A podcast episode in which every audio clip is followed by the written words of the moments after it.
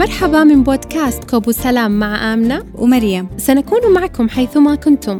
في طريقكم للعمل وأنتم تصنعون كوب قهوة دافئ لصباحاتكم المنعشة. وربما سنشارككم ليالي الأرق في أيامكم المتعبة.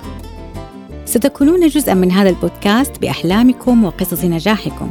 سنتشارك معكم أفكارنا تجاربنا توصياتنا وقراءاتنا في عدة جوانب. وامتناننا الدائم لمسراتنا التي نغفل أحيانا عن الشعور بها.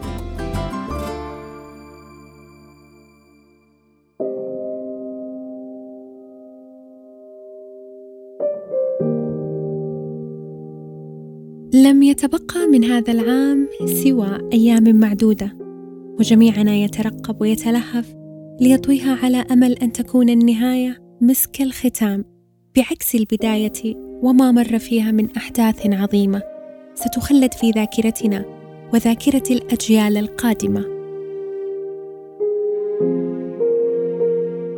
عشنا احداثا لم نكن نتخيلها. توقف السفر أغلقت المدارس هجرت المساجد وأرعب ما حصل هو أن مناسك الحج والعمرة ألغيت. اصبح التباعد الاجتماعي هو شعار المرحلة. مررنا بليالي الرمضانية تفتقد الألفة بالسفر الطويلة وجمعات السمر مع الأهل والأصدقاء وابتلعنا غصة الحظر في أيام العيد وعشناها متباعدين على مضض. فكان المعمول بوصفاته المختلفة ثيمة أول عيد بلا طقوسه المعتادة.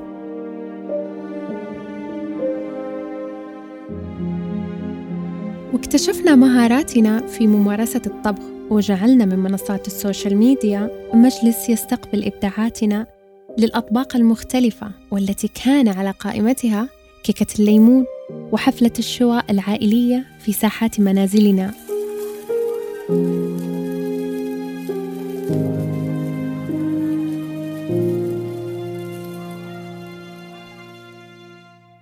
بعد أن كانت الكمامة مخصصة فقط للمستشفيات والمعامل، الآن أصبحت جزءًا من الزي الرسمي. بعد أن كانت الأجهزة ممنوعة في المرافق المدرسية، الآن الصرح العلمي بأكمله في أجهزتنا. وماذا عن الحرم المكي؟ بعد أن كان ممتلئًا بالمعتمرين والمصلين، أصبحت مكة خاوية وإن رأينا أحدا في الحرم يصلي تثور حفيظتنا واستغرابنا ونتساءل كيف دخل إلى هذا المكان؟ وربما نقول إيش الخبيئة اللي بينه وبين ربه؟ يا بخته ليتنا مكانه.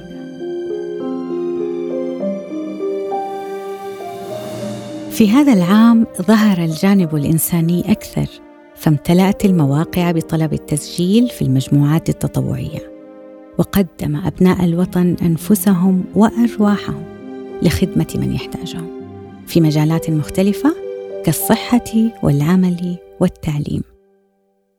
تعددت الأحداث وارتبطت بعام واحد عشرين عشرين.